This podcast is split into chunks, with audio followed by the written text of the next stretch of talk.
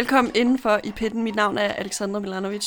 Og måske kan man høre lidt en, øh, en stol eller et øh, bord rumstere. Eller en, der knipser. Eller en, der knipser i, i baggrunden. Vi, vi knipser, fordi øh, vi, vi fejrer lidt i den her uge øh, en, en bestemt artist. Og det er nemlig øh, hovedpersonen bag øh, ugens pitten, som er amerikanske Phoebe Bridgers. Og du er i studiet, Jonas Sølberg. Yes, og jeg knipser altid, når jeg fejrer noget. Du, du er sådan en rigtig jazzgud. Jeg er træls at have med, jeg er træls at have med til fødselsdagsfester, for jeg sidder bare over i hjørnet og knipser. Jonas, du laver jo øh, Radio, Louds, Radio Louds musikprogram Kontur, og i den her uge har du også Phoebe Bridgers som øh, hovedperson, eller omdrejningspunkt. Lige præcis. Og øh, hende skal vi diskutere lidt, inden øh, jeg ringer hende op her senere i programmet og snakker med hende. Men først og fremmest, hvis man øh, ald- aldrig nogensinde har lyttet til Phoebe Bridgers før, eller bare ikke er bekendt med hende, hvad, hvad er hun så for en type musiker, Jonas? Jamen altså, så er vi jo inde i sådan noget, en lidt kedelig øh, fællesbetegnende genre, som singer-songwriter eller folk, ikke? Øh, hvor der ja, kan være... Øh, kan være ret meget intimitet, rigtig meget personlighed, men når det sådan falder ud til den lidt kedelige side, så kan det også blive sådan lidt kønsløst. Og det er der, hvor jeg synes, at Phoebe Bridges virkelig formår at gøre de her intime og personlige sange eh, relevante og menneskelige. Så vi er over i sådan noget lidt mere intimt, lidt mere følsom musik, men eh, med masser af melodi og ja, tekster, du virkelig kan hænge din hverdag op på, ikke? Og hvis man ikke er vant til at tage til den her type koncerter, hvor at det er meget singer-songwriter-agtigt, øh, folk, indie, øh, den type mm. øh, musikkasse, hvad, hvad, hvad, hvordan plejer de koncerter normalt at være? Er det sådan med moshpits, eller hvad sker der der, Jonas? Altså, øh, jeg tror, jeg tror sgu ikke, det går så godt, hvis man lige tænder en smøg, og så øh, skøder den på gulvet, og så bagefter lige mosher med ham overlægen, der står og, og, og kigger fascineret. Det er det jo ikke. Det er jo sådan, det er musik, man skal dykke ned i. Det er, det er et sted, hvor man virkelig skal, øh, man skal lytte til teksterne, men så kan man også virkelig få meget med. Ikke? Altså, det er et menneske, der på mange måder blotter sig og giver nærmest dagbogsnoter om sit liv, som, øh, som, virkelig, øh, som virkelig kan slå hårdt, hvis man kommer med den, med den mentalitet med til sådan en koncert. Og, og prøv, lige, prøv lige at sætte nogle ord øh, på vegne af os begge to. Mm. Altså, hvorfor det er, vi har valgt at øh, bruge et par timer i den her uge på at øh, nærmest dissekere Phoebe Bridges. Fordi hun er ude med det her øh, nye øh, album, øh, Punisher, som er hendes andet soloalbum. Men prøv lige at fortælle, altså, hvorfor har vi valgt hende? Mm, det drejer sig jo nok om, at øh, som jeg også startede med at sige, at hun skiller sig lidt ud fra det her mere traditionelle singer-songwriter, der kan blive sådan lidt statisk og lidt flat. Jeg tror, det var Joshua Tillman, som øh, i dag hedder Father John Misty, men før der havde han jo sin solokarriere, hvor han, øh, hvor han lavede sådan good old singer-songwriter, ikke? Og han sagde til sidst, jeg bliver også træt af at tage den her kede af det, øh, black on black, øh, blue on blue kappe på, ikke? Hvor jeg bare skulle være sørgelig følsom mand. Og det synes jeg virkelig Phoebe Bridges undslipper. Og um, man kan jo tage et eksempel som, som øh, den sang, der hedder Motion Sickness, som er måske hendes øh, ja, største hit, hvis man kan bruge ordet hit om, øh, om det. Så der, der tager hun jo virkelig en levet oplevelse. Øh, hendes første EP, der hed Killer, tilbage fra 2015, indspillede hun med en country øh, singer-songwriter, folk rock legende, der hedder Ryan Adams.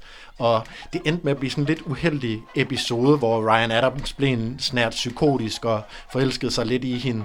Det har New York Times blandt andet skrevet en artikel om, øh, og det er der så flere kvinder, der har sagt om Ryan Adams. I stedet for, at Phoebe Bridges så går hen og bliver offer, og ligesom, øh, hvad kan man sige, går ud og brokker sig i medierne, så skriver hun altså den her sang Motion Sickness om det, hvor hun udstiller den her halvgamle øh, singer-songwriter og jamen, ligesom fortæller sin historie gennem det, og, ligesom, og, og ligesom tager sin magt tilbage her, ikke? og kommer helt ned i, i sådan noget med, hvad han giver hende 1500 dollars til at tage til, øh, til terapi, og altså det bliver meget levet, ikke? det bliver meget, meget reelt, synes jeg. Øhm, så jeg synes, der er, der er noget rigtig spændende i den måde, hun formidler sig selv i sine sange på. Og, og det er netop noget af det, du kommer til at bruge øh, tiden på i dit program i den her uge øh, på kontur. Så når man har lyttet til Pitten, så skal man øh, hoppe over og lytte til øh, kontur efterfølgende. Er der noget, du gerne vil øh, tilføje som en ekstra note til øh, Motion Sickness, inden vi putter den på? Nej, jeg synes bare, at øh, prøv at lægge mærke til, hvor, øh, hvor god hun er til netop at, at skrive, så man forstår det. Altså i stedet for at skrive hjertesmerte, og i stedet for at bløde ud af øjnene, eller sidde og, og græde, at det, det bliver ret reelt, det bliver ret menneskeligt, øh, og så bare nyder det en fantastisk god sang. Så øh, inden vi skal, inden jeg skal snakke med øh, amerikanske Phoebe Bridges, så får vi først her Motion Sickness. Velkommen indenfor i pitten.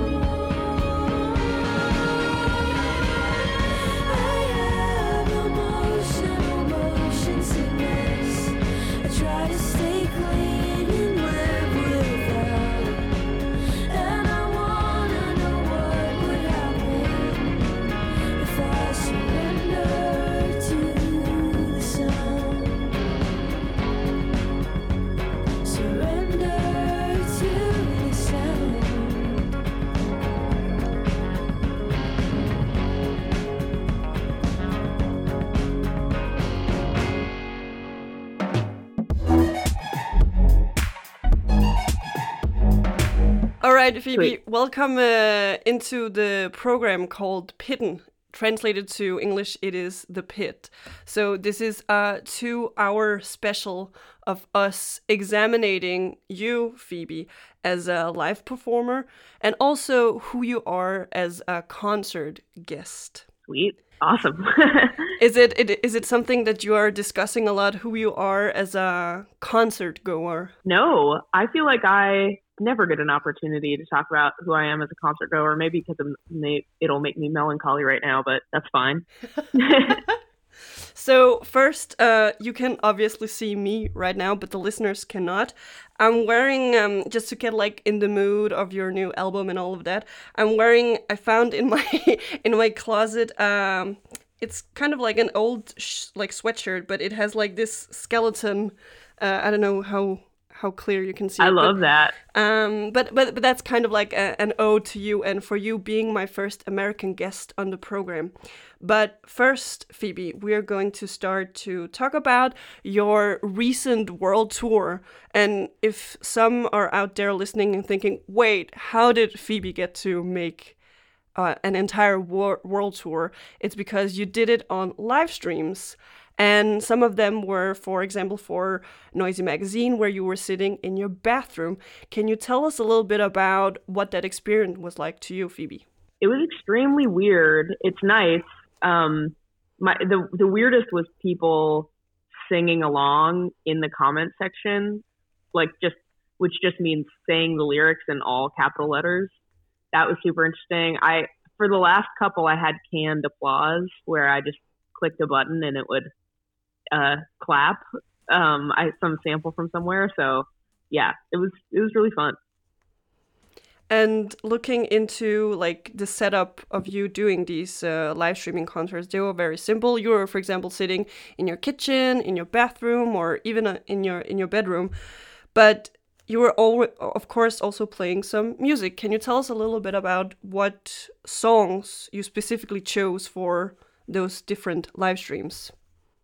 Well, the weird thing about a live stream tour is that it's unlike a regular tour where you could play every song every night and nobody would be, would be the wiser.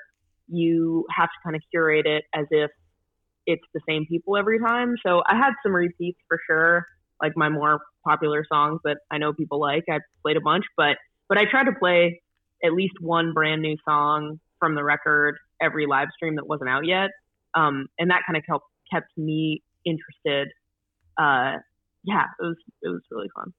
Is there is there something from that experience of doing a live streaming world tour that you feel like you can take like as an advice to yourself when you're going to start doing physical live concerts again?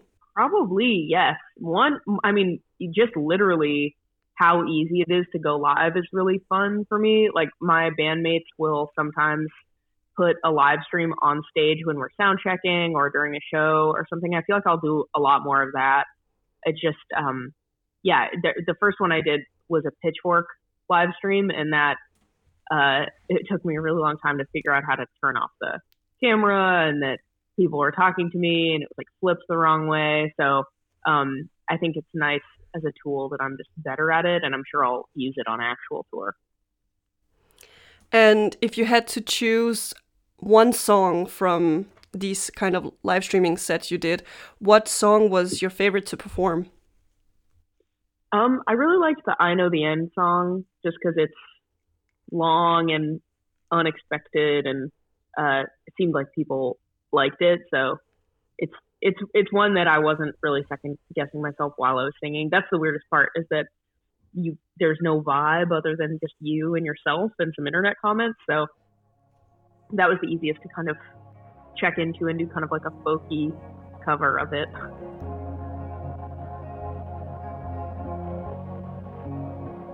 Somewhere in Germany, but I can't place it. Man, I hate this part of Texas. Close my eyes, fantasize. Three clicks and I'm home.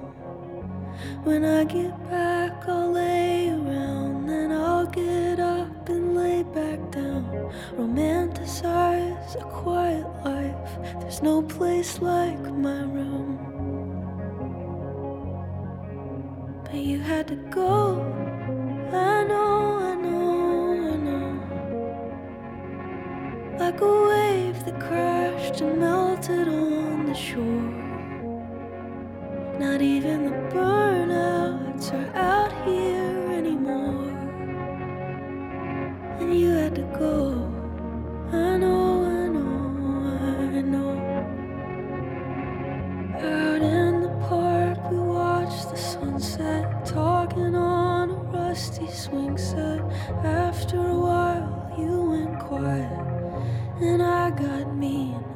I'm always pushing you away from me, but you come back with gravity, and when I call, you come home. Bird your teeth. So I gotta go. I know, I know, I know. When the sirens sound, you'll hide under the floor. But I'm not gonna go down with my hometown in a tornado. I'm gonna chase it. I know, I gotta go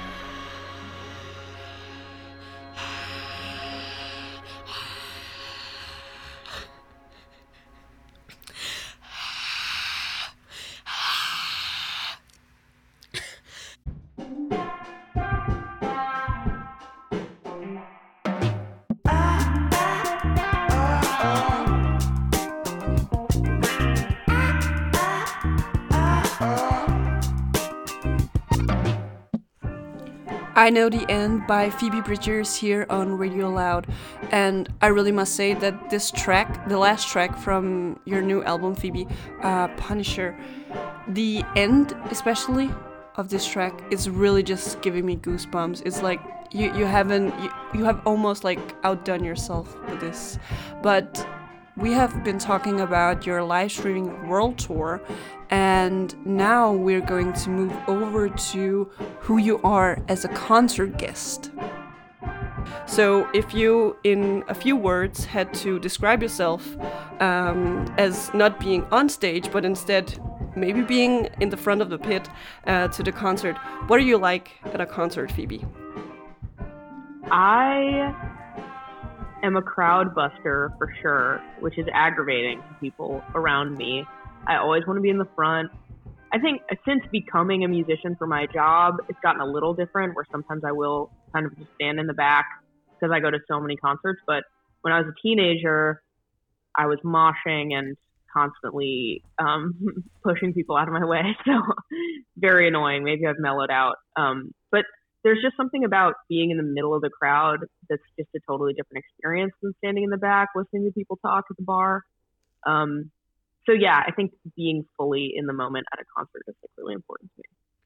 There's something here really interesting that you're mentioning, Phoebe, that um, when you were younger, that you were kind of like more physical, more confrontational when you were to these concerts.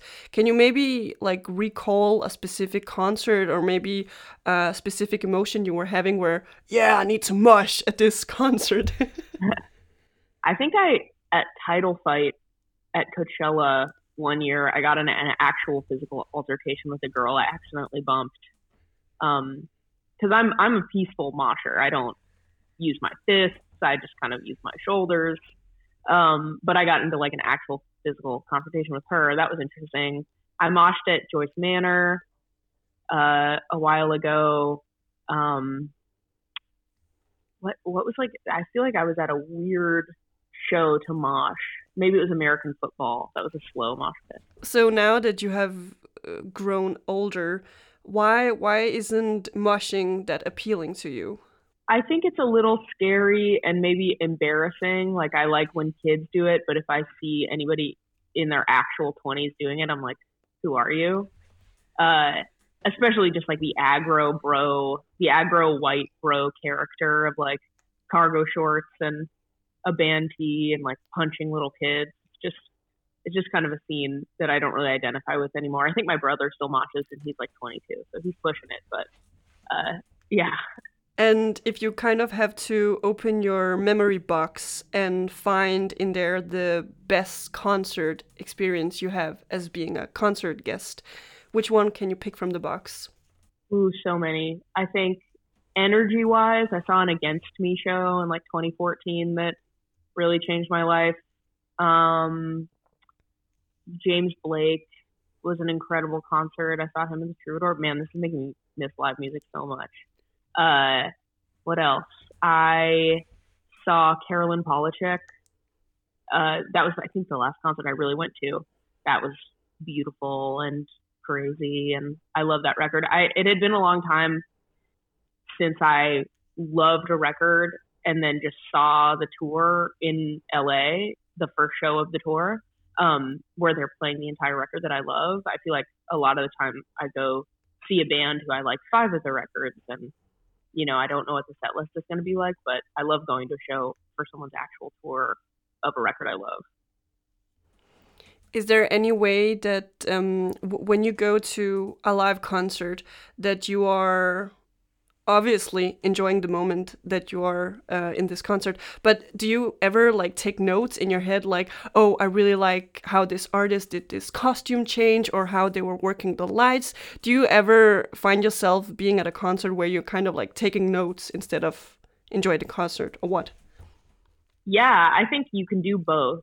Um, you can take notes and just enjoy it but i feel like i've been doing that even since before being a musician was my job like the way Caroline Polachek moves on stage is incredible. She also fell really hard off the stage and it was terrifying, but she handled it so gracefully and funnily and then like reposted a video that someone took of the fall on Twitter later that night. So just kind of owning it. Um, so I, I like people who move around the stage. I, it, it's really hard for me to move around the stage. Conor Oberst is like really, really good at it. And it's always been intimidating to me where I'll like mess up if I even just step to the side a little bit. So, so I'm constantly taking like physical movement notes sometimes the opposite, you know, seeing Stephen Malkmus or something just stare at the ground and play a show. I love that.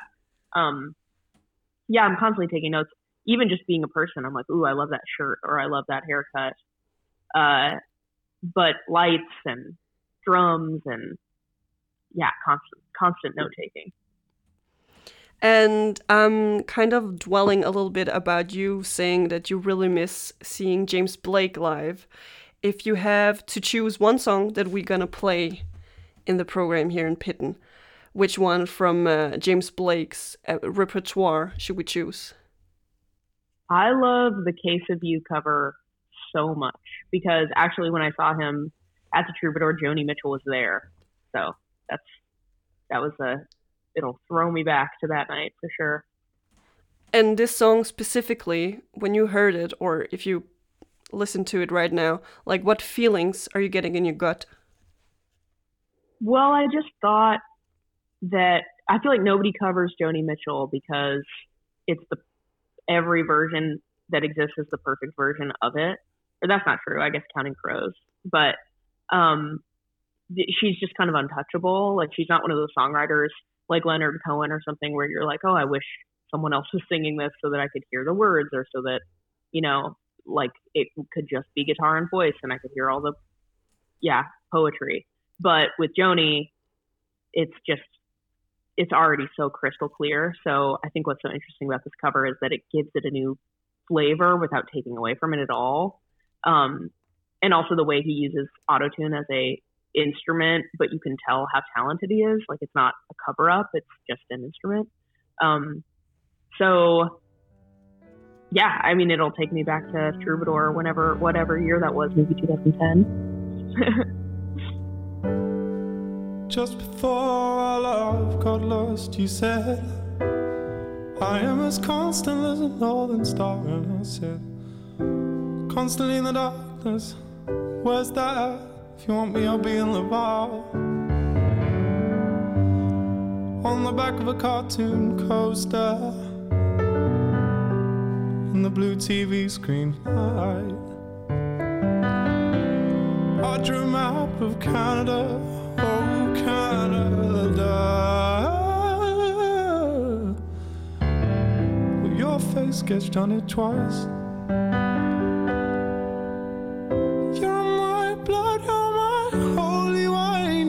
So bitter and so sweet. Oh, I could drink a case of you, darling. I would still be on my feet, or I would still be on my feet. I am a lonely painter. I live in a box of paints.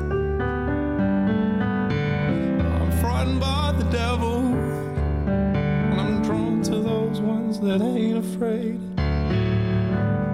I remember the time you told me love was touching souls. But surely you touched mine, cause part of you pours out of me in these lines from time to time. You're my blood, you're my holy wine. You taste so bitter and so sweet. Oh, I could drink a case of you, darling and I would still be on my feet. Oh, I would still be on my feet.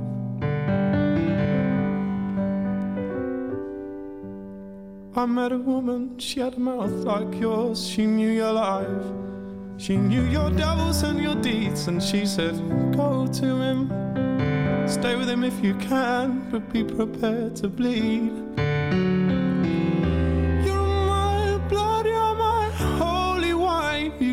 So bitter and so sweet. Oh, I could drink a case of you, darling, and I would still be on my feet.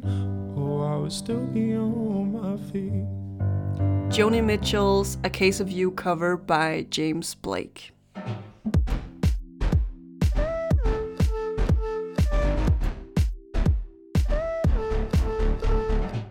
So, Phoebe, you are here in uh, Pitten with me, Alexander Milanovic, and now we are going to examine your new album, Punisher.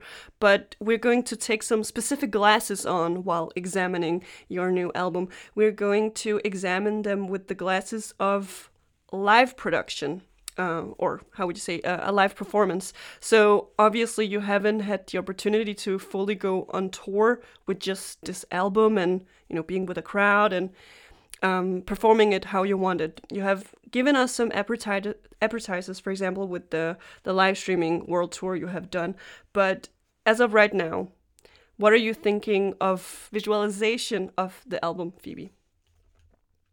Uh, we just kind of got started having that conversation and I saw some photos and stuff, but I played a show in London last year that we had all these blow up Halloween decorations like that are for your yard. And I really like that idea. Um, and everyone wore a Halloween costume. Um, I like the idea of having like smoke on the floor. Just kind of like corny Halloween aesthetic sounded really fun to me. Like night sky background. Um. Do you also have like a specific, uh, without giving away too many de- details, do you have like a vision of like, do you want to wear a freaky costume as well, or? I love dressing up for shows. I love wearing freaky costumes. I feel like I make my band dress pretty consistent. We were going to get these suits made um, and by this woman Amber Doyle, who's incredible. Um, I hope to definitely still do that when I actually get to go on tour. But she had to come measure us, and uh, yeah, like they're kind of like sparkly iridescent suits, so that was exciting. But also, I have these like twelve dollar skeleton costumes that we've also been wearing. So. So, for the people listening, uh, in the future, when you're coming nearby here in Europe, or if people want to go see you in the US with the you performing the Punisher album, is that an open in invitation for the concert goers to like show up in a Halloween costume, or what? What are you thinking? Oh yeah, I love that. I love that so much. We had on my first tour ever, we had a step and repeat um, like photo station because I love when people dress fun at my shows, but there were people in like ghost costumes um, in the front row of a show that I played in Austin once, and yeah, it always stands out to me, and I love it. And taking it a little bit back before you actually have had the full body of the the Punisher album, um, when you as a songwriter are producing your songs, how much are you envisioning the the live performance of the songs while you are creating them? I think I do now more so than before I was really touring a lot because I made the first record without a real band. I hadn't met anybody that I was touring with yet. We just played all the instruments ourselves or had people come for a day and play stuff. So having toured for three years after that, I think I, I realize how valuable it is to just throw yourself a bone and have like a kind of fast song so you don't have to play a million sad songs at once. And um, I think I think a lot about the live element the whole time I'm making a record now. Um, and uh, and yeah, I think we're just getting better. The band is now getting better at recreating things that we do in the studio live. So, if you have to take one example from the the Punisher album, uh, one of the songs where you're like, yes, I specifically wrote this to be amazing to perform live. Is there any you can bring up from the album? Yeah, definitely the I Know the End song is very, very fun. Um, just because also our guitar player gets, he's Harrison Whitford, who's one of my best friends, but he he moved from Nashville, and when I met him, he was kind of like a scarves and hats wearing, like shreddy guitar player guy. And so that's like the only time in the set that I let him really shred, and it's hilarious to watch. If you had to choose one song that is perhaps your um, at, at, the moment the the one song that you are really excited to perform live from the recent album, which one would you choose? probably Graceland three or Graceland two. Sorry, that's the alternate version um, that I did. We can I play that too. You should, yeah. When we we finish it, it's like a rock version of that. So that goes into my point because I have two versions of that song. There's Graceland two, which is folky, and I love breaking up the set with kind of just a different genre. And I just added a band member named Odessa, and she plays violin and sings beautiful harmonies. So that is my favorite one to start playing because it's the most different of my other songs. Um, but then there's another version that we did that kind of sounds like a Tom Petty song. So I'm looking forward to like whatever the set needs, we add one version. Just to spice it up a little bit. hmm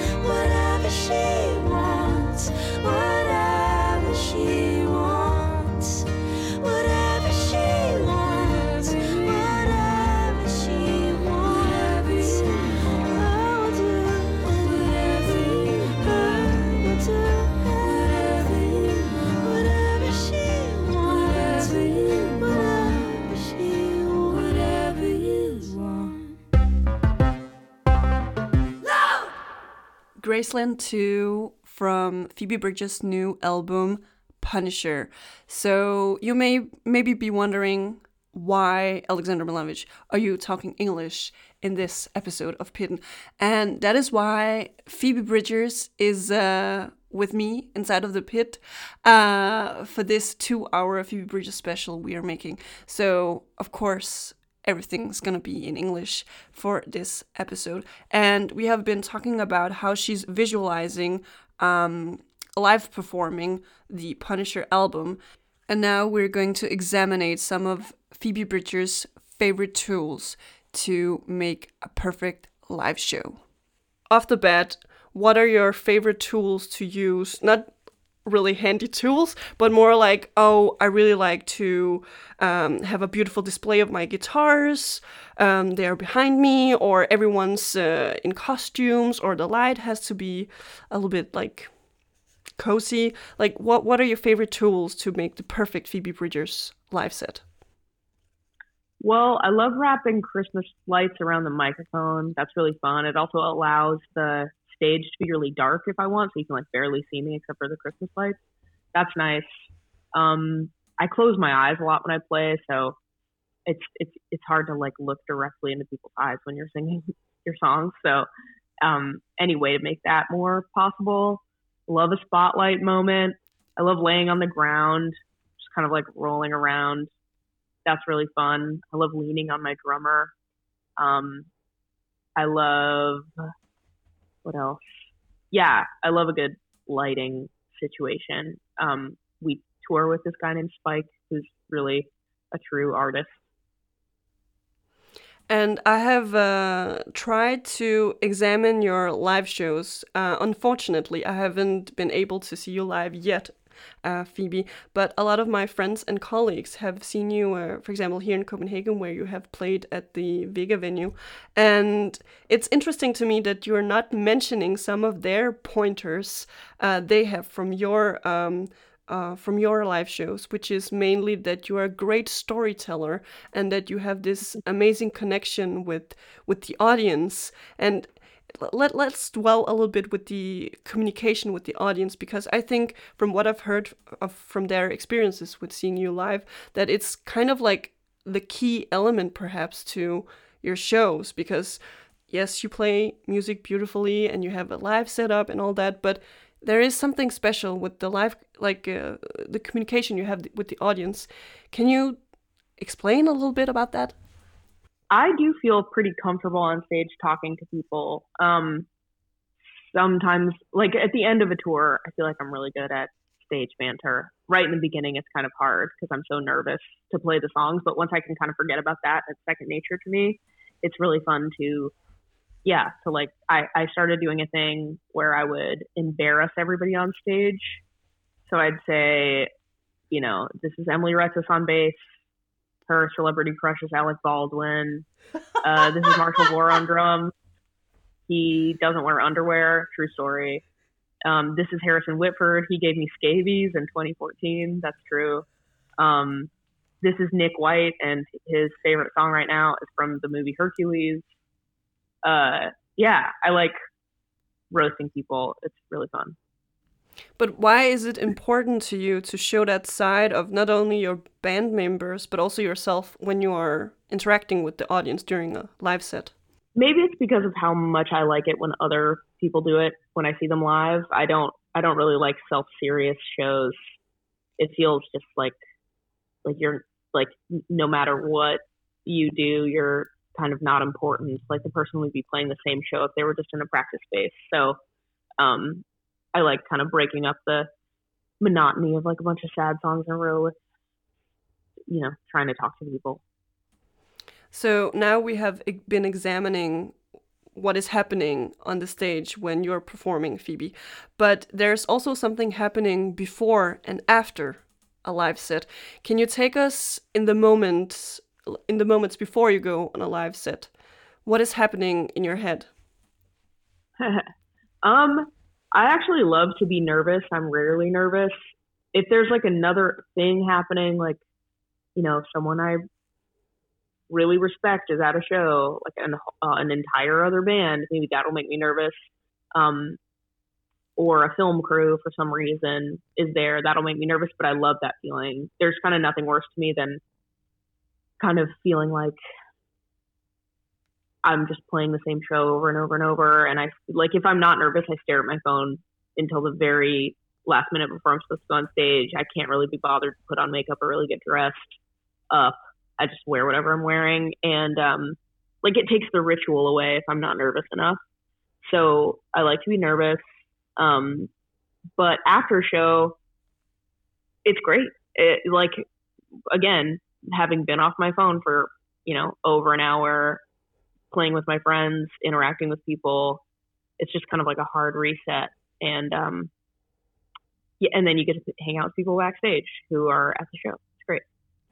And last week in the this program, Pitten, uh, the legendary Danish rapper Kidd was uh, my guest here in the studio, and he said that when he was doing uh, concerts, when like his live shows before were very much influenced by him drinking a lot of alcohol and doing a lot of drugs.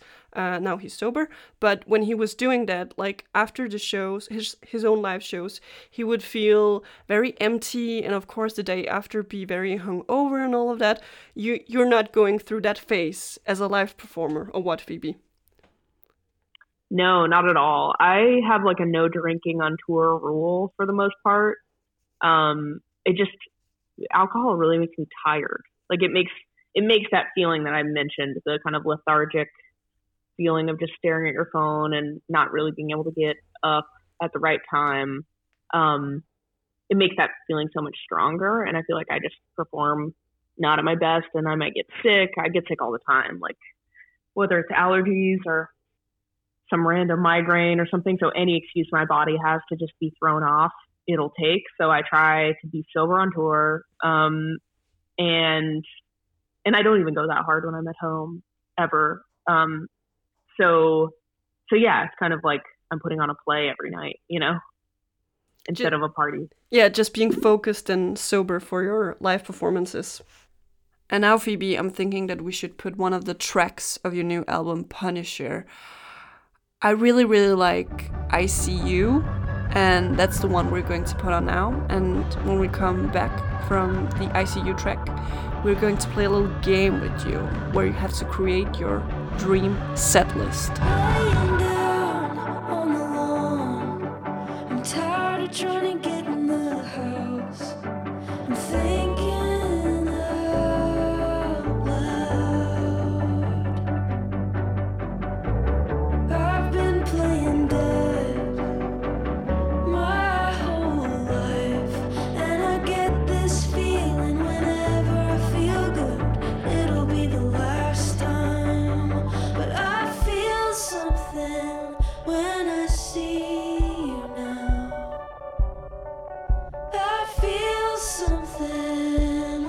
see.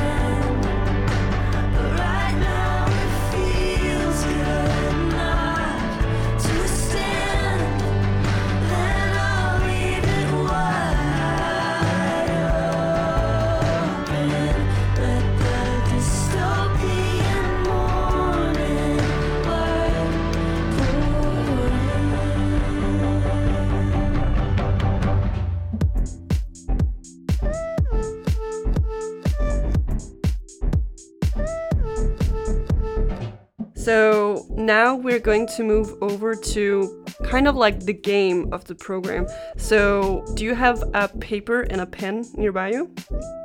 Yes. Okay, so now we're going to play this game called Draw Your Dream Set List.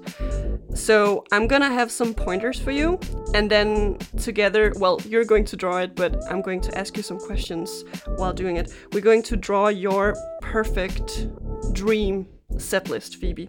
And the pointers I have for you are you have to choose from six of your own songs. You have to choose a location or a context, so it can be um, you want to be the first woman on the moon doing a live streaming concert, or you want to open Co- Coachella, or you choose the location and the context. And then you are more than welcome to think about where in the set you want to put maybe like a gimmick or communication with the audience. So, six songs, Okay, cool. a location slash uh, context, and then think about the communication. Okay, cool. But it's just a six, six song set. Exactly. Okay. So, right off the bat, what location or context are you thinking of? I didn't get to go because I was too young, but Bon Iver played um, forever ago at the Hollywood Forever Cemetery in LA at dawn. So people slept there, and then at like 5 a.m. or something, he started playing while the sun was coming up. So that's always been a dream of mine for sure. So you can put that as Um, the title of the set list. Yes. So that's the title. What other song. Um. Hmm. So the first song of this very interesting set list, what are you going to put on it, Phoebe? I think Scott Street. I think. Let me see. Still writing. Yeah, so we have Scott Street, right into Motion Sickness. I think it's fun for me to do the songs that people like right off the bat. I saw the Killers once, and they did, um, and they opened with Mr. Brightside, and I've always thought that was cool. So then Motion Sickness, maybe then something sad. Graceland. Okay, yeah. So Scott Street, Motion Sickness, Graceland 2. Maybe then I have a gimmick. What's my gimmick? Um, Taking the Halloween costume off. yeah, a costume change. Wait, you know, like in the Hilary Duff, the Lizzie McGuire movie, where she takes off her uh, skirt and its pants. I want to do that. So, okay, so I play Graceland 2, and then I take off my skirt and its pants. And then I play Halloween from the new record, and that has Blake Mills on guitar, who's one of my favorite guitarists. So I have him come up. He's not in my band, but you know he'll be there because he lives in LA. And then um, Conor Oberst sings on the end of it, so I'll have him come up right at the end, and that'll be really fun.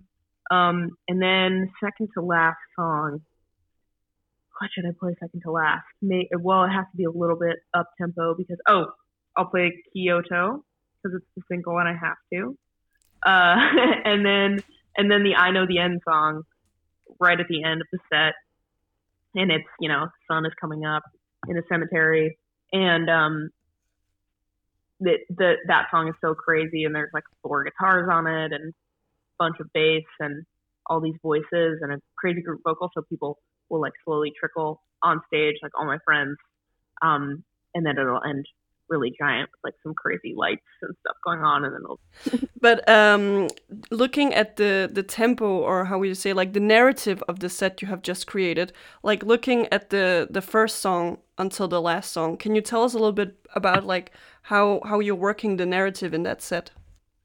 It's, I mean, as narrative, the only thing I really consider is like what speed our songs at and what key, so that I don't get too close to each other and so that I don't live in the same spot for a long time. So it starts kind of at my medium setting, which is like a a long outro song, but it's still pretty folky. And then it goes into a pop song, an indie pop song, and then it goes into a country song, then it goes into a really dark folk song, then it goes into another pop song, and then it goes into like a metal song the end. What I mean, even though you haven't been doing this set list yet, it that day might come. But what what um what do you want the the audience to take from this dream perfect live set? I just I like the idea of doing something that people remember for a long time. Um, I want people to be like kind of half asleep listening to it. I think just existing in some sort of like dream world would be so fun. A few uh, episodes ago, we had um, the Danish singer Ekaya on the show, and she was very specific with um, with a dinner right after that dream set. She wanted her set to be on a Paris rooftop where it was, it was kind of like a, a release party for her new music. And she specifically wanted people to eat pasta right after this uh, imagery um, uh, live set. Do you have any like uh, specific uh, foods that you're relating to this set list that people maybe have like a midnight snack, they go to sleep, and then they wake up for this cemetery set list? Yeah, well, I hope after the show people go to diners in LA because that's it's going to be one of the only things that's open. But I feel like a classic American breakfast afterwards, like dirty and grimy, and there are people who have been there all night. Um, I think that would be fitting. And that actually concludes our little game here, Phoebe. The uh, dream setlist game we have been playing. And now I'm thinking that we're going to listen to two tracks of your new album Punisher. Um, kind of like to dwell for some some time in this mood and setting you have created for your dream setlist. And I'm thinking the track named Halloween is really fitting. And afterwards we are going to listen to Moon Song.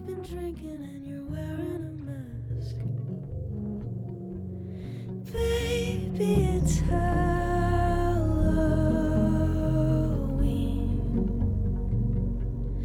we can be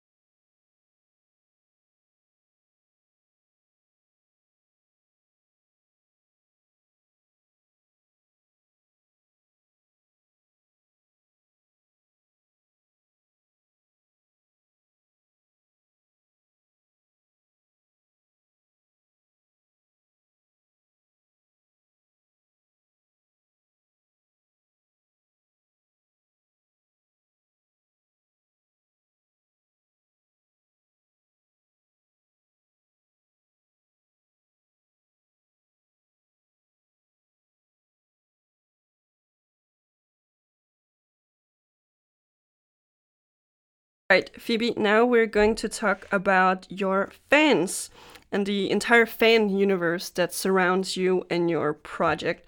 So, if you, in a few words, had to describe your fan base, uh, even may- maybe you don't like to call them fans, but the people that are supporting you and your music, how would you describe those people?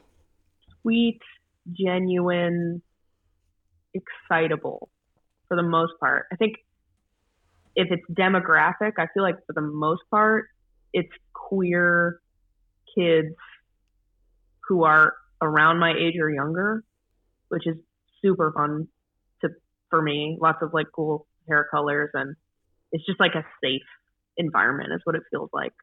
Um, you know, they're like the kind of crowd that if someone shouts something inappropriate at me, um, everybody just turns on them and kicks them out of the show. Like I don't even have to worry about it um, I feel very protected for the most part by by the main group of my fans. Of course, there are like, you know, people who are kind of unhinged.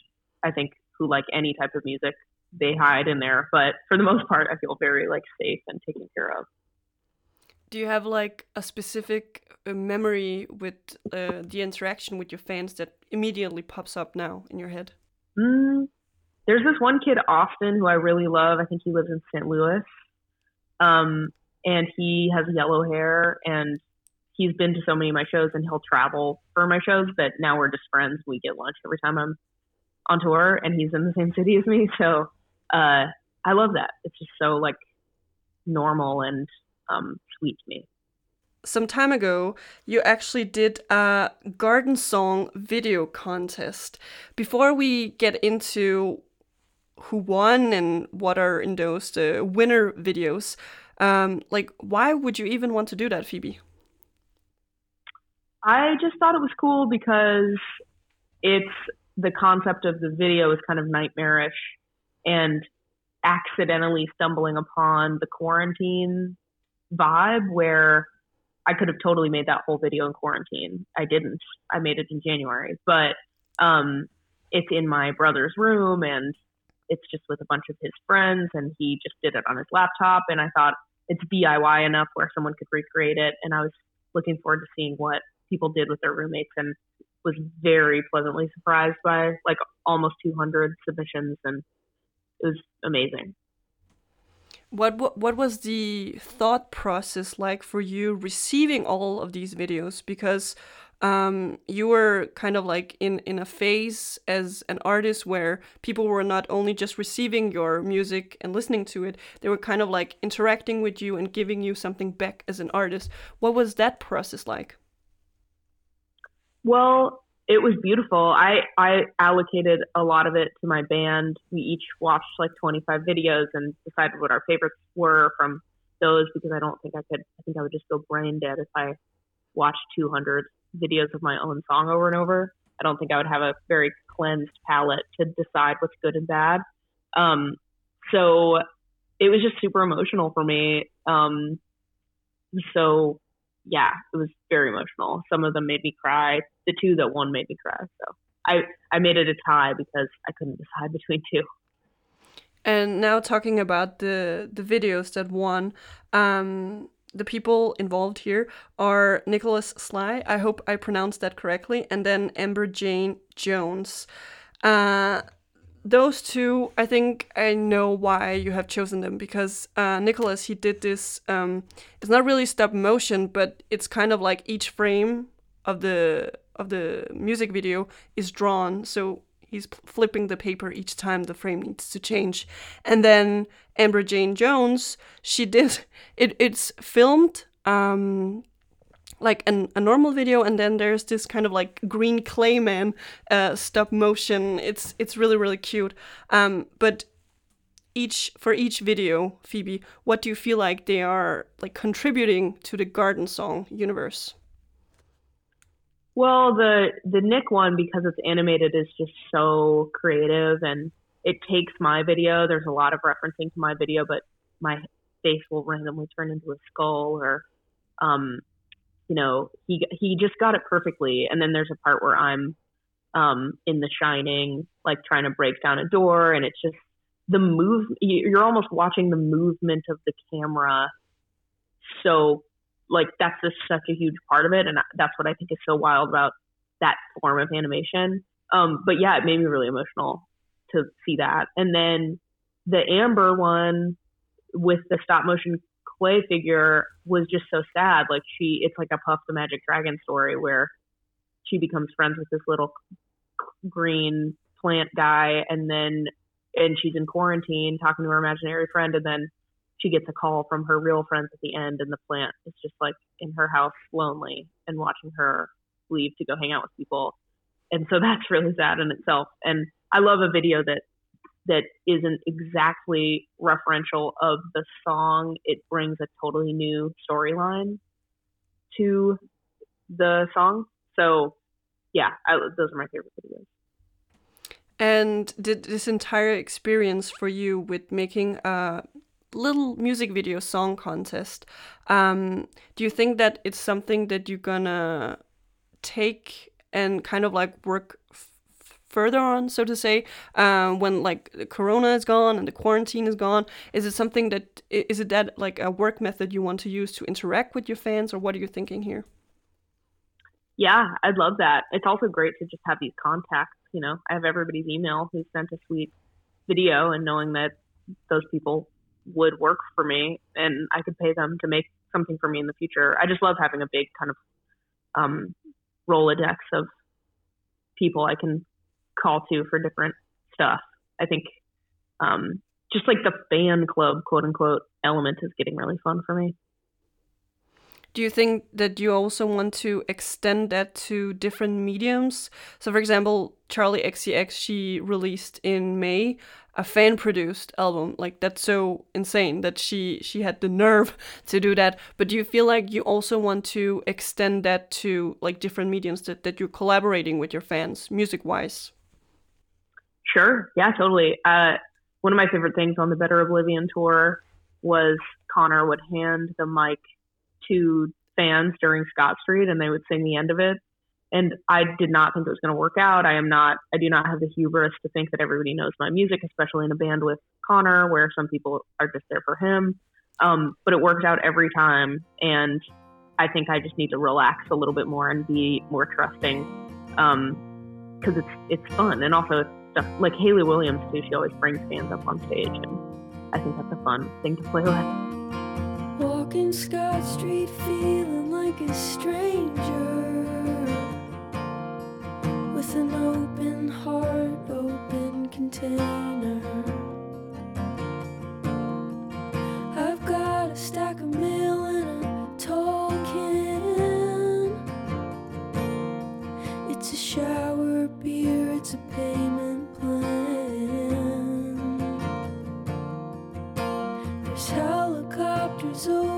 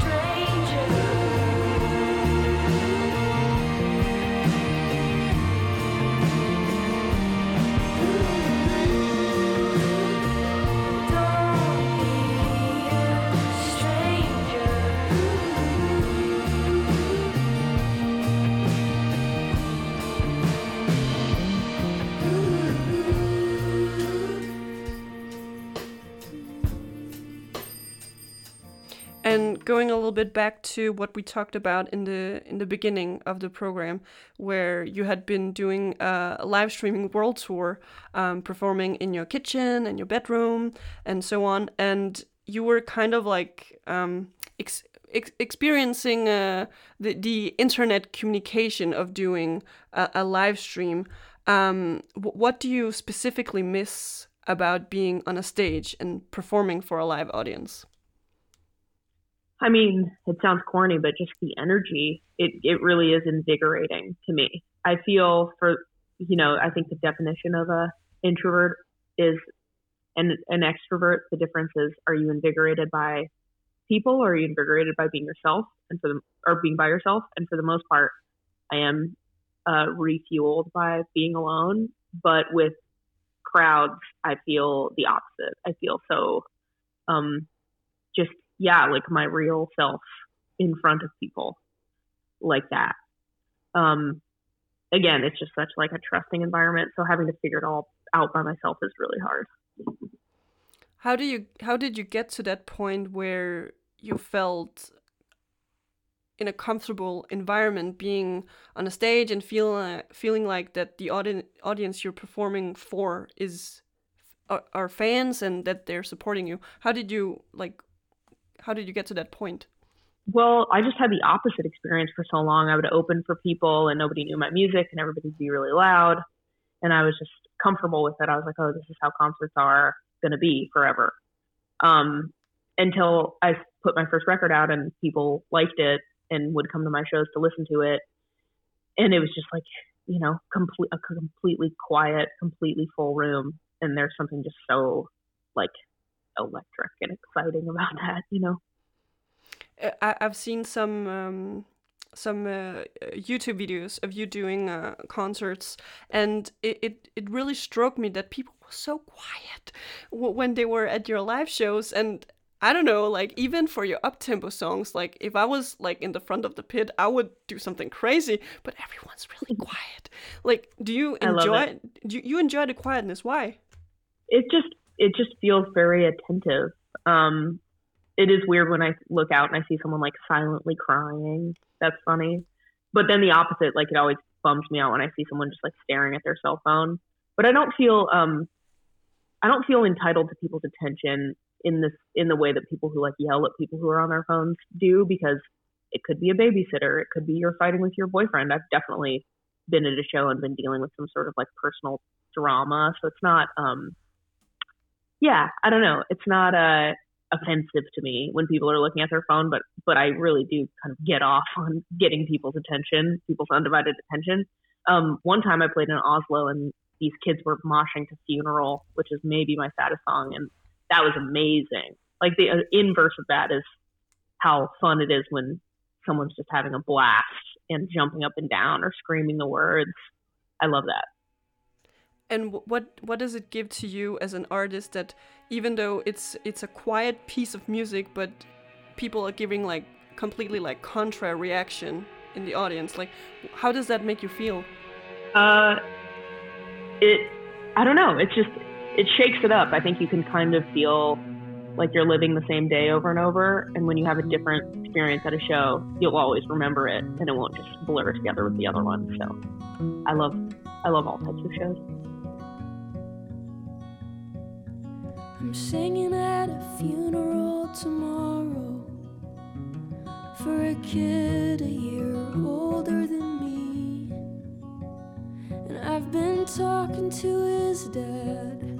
It makes me so sad when I think too much about it, I can't breathe. And I have this dream where I'm screaming underwater while my friends are waving from the shore. And I don't need you to tell me what that means. I don't believe in that stuff anymore. Jesus Christ, I'm so blue all the time. And that's just how I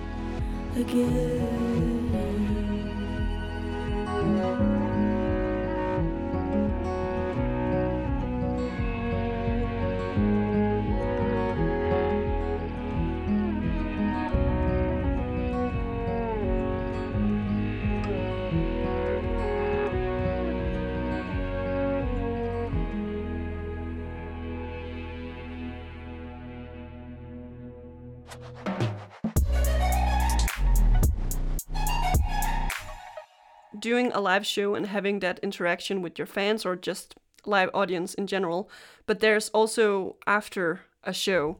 So if you finish up a show and you're wrapping up the gear and everything, do usually do people usually wait outside of the venue to talk to you or like what what's happening? Yes, people always wait outside the venue to talk to me, and for the most part, they're normal. But um, I've had I've had it bad comes. experiences too. Yeah, I've had bad experiences too, and I know people who've had worse experiences. Um, you know, like on a one one better oblivion tour or show, like a girl jumped out of a bush to like attack Conor, not attack with like a weapon, but jumped on Conor, um, and it was terrifying. Um, so, but but what I always think is like, you know, I've also had amazing interactions outside the bus or whatever where someone made me a friendship bracelet and just wanted to give it to me or wants to tell me something nice about me. That's great.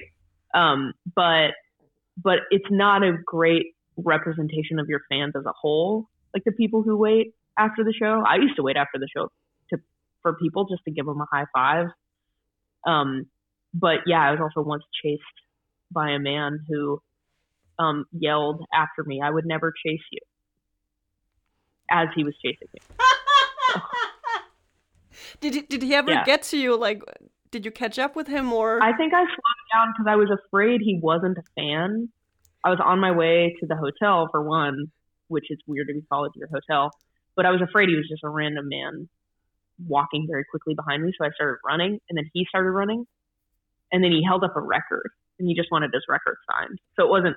He didn't realize how scary that was for me, but um, you know, like just yelling "sign my record" would be way more normal than "I would never chase you." That's chasing. I, I don't think he really had uh, thought that through. But that that actually uh, leads me on to obviously that that's a really ex- weird experience to have as an artist and also as a person. But if you had to give some advice to your fans as to how to interact and behave towards you, Phoebe, what advice would you give them? I think, I mean, this gets talked about online a lot where just imagine how you would feel as me, you know, like reading a mean comment about yourself. I feel like I have a pretty healthy relationship to it or something, but like if people, uh, you know, if someone's chasing you down the street, like, would you like to get chased down the street? I love it when someone shares a personal story and I feel connected to them. I, that's like my favorite part of playing music. Um, but yeah, I think there's just like a dehumanizing factor to being kind of in the public eye at all. Uh, so so yeah, just think about how you would feel in my shoes and then treat me like the way that you would want to be treated. Um, and I don't think you'd want to be chased. Like, don't chase anyone, whether it's Phoebe or your Yeah. neighbor. Don't. No, it's a no go. no, no go. But um, that that's um, you know a very respectful way of telling people to be nice towards you.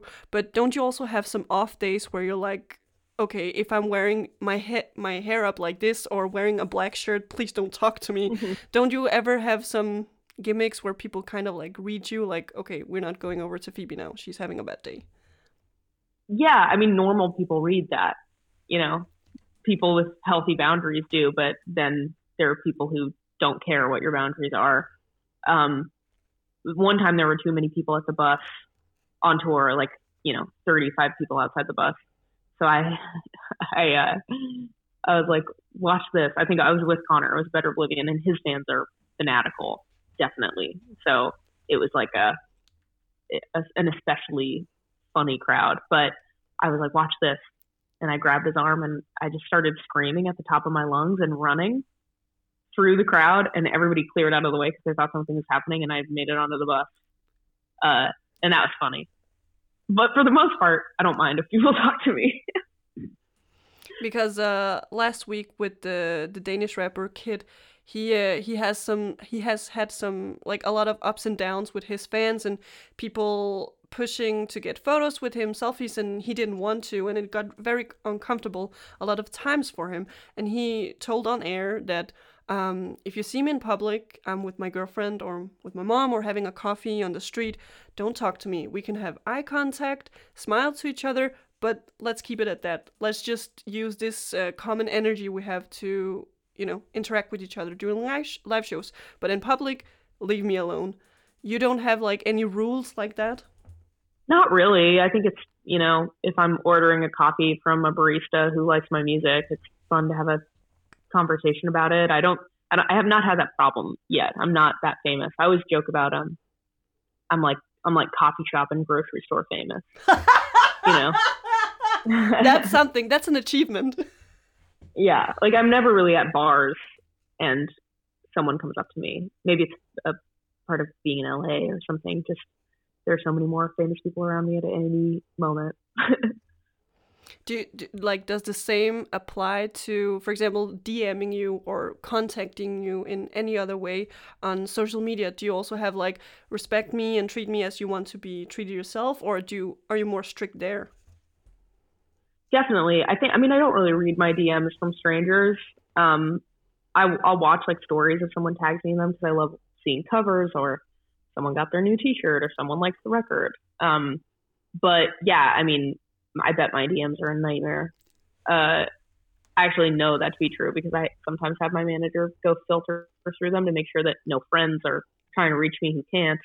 Um, but yeah, it's interesting. What about um, if if people are really keen on sending you memes? Should they just you know post it on their feed and then tag you and then you'll see it, or how does it work for you?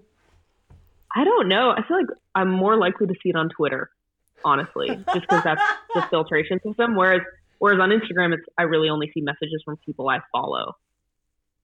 So So this exclusive people. And that also means, uh, for everyone listening, if you want to send Phoebe a spicy meme or something like that, then do it on her Twitter account, not on Instagram or Facebook. And Phoebe, before we are going to say goodbye, and Phoebe, before we are going to say goodbye and close the pitten with you, um, I'm thinking we're going to play one of the singles from your uh, Punisher album that's out everywhere now.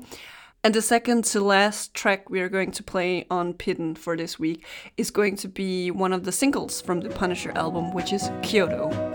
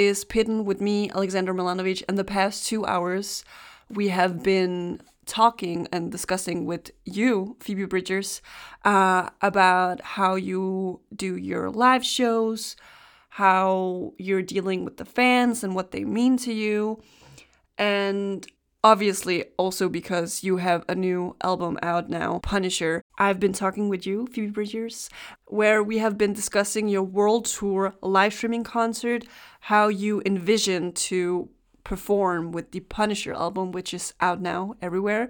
We have also been discussing how you do your live shows, and of course, we have touched upon your fan base. If you can't get enough of Phoebe Bridgers, then head over to my colleague's music program, Kontur.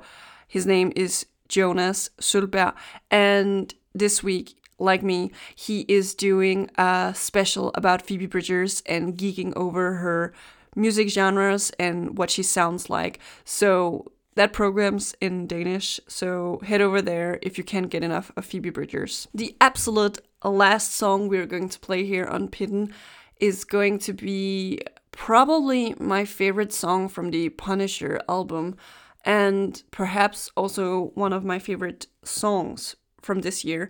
It is going to be Garden Song, which is found on your album, Phoebe, your new uh, Punisher album. And before we listen to that, I'm thinking let's do the Pitten outro together. Oh yeah. Oh, yeah. Okay, I, I have some examples for you, and then maybe you can try to spice it up and do it uh, your own. Okay. So normally I always say uh, in Danish, see you in the pit next week. Uh, I don't know if you want to try to say it in Danish or how, how you're feeling. Oh gosh. Oh Wait, gosh. say it in Danish, Not- and I'll and I'll tell you if Oh. I can say it. Okay, vi ses i pitten. Wait, vi ses, Mhm. I vi pitten. ses in pitten. Oh! Vi ses in pitten.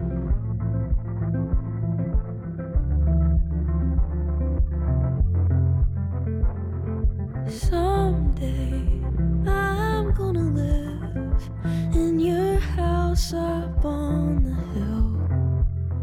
And when your skinhead neighbor goes missing, I'll plant a garden in the yard. Then they're gluing roses on a flatbed. You should see it. I mean thousands. I grew up here till it all except the notches in the door frame. I don't know when you got taller. See our reflection in the